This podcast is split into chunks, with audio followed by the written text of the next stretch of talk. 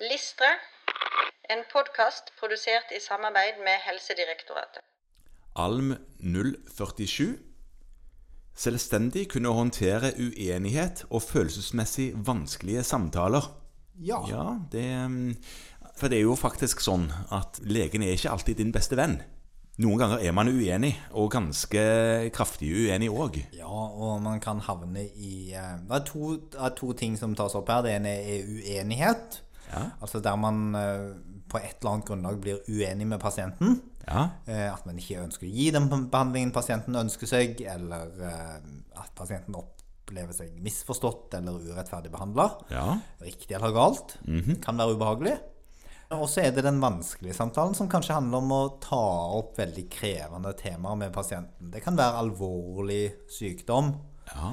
Det kan være det du opplever som feilbruk eller misbruk eller annen atferd hos pasienten som er veldig uheldig. Mm, medikamentelt eller Rus. livsstil. Ja. Ja, Førerkort kan det ha med å gjøre.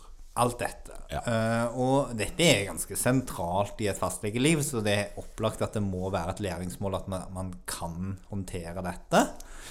Og det må komme litt sånn med erfaring. Jeg tror det som er viktig, er det at, eh, og det sier læringsmålsoversikten òg noen ting om, er at dette er noe som må tas i gruppeveiledningen, og så må det tas med supervisør. Så Ja. sier de at det kan godt være tema for en felles konsultasjon. Og det som kan være lurt å huske på der, er at hvis man har en krevende sak som man kanskje opplever at man står litt fast i, eller der man syns kommunikasjonen er vanskelig, så kan det være et godt tips å vurdere om man skal sette det opp på en felles konsultasjon.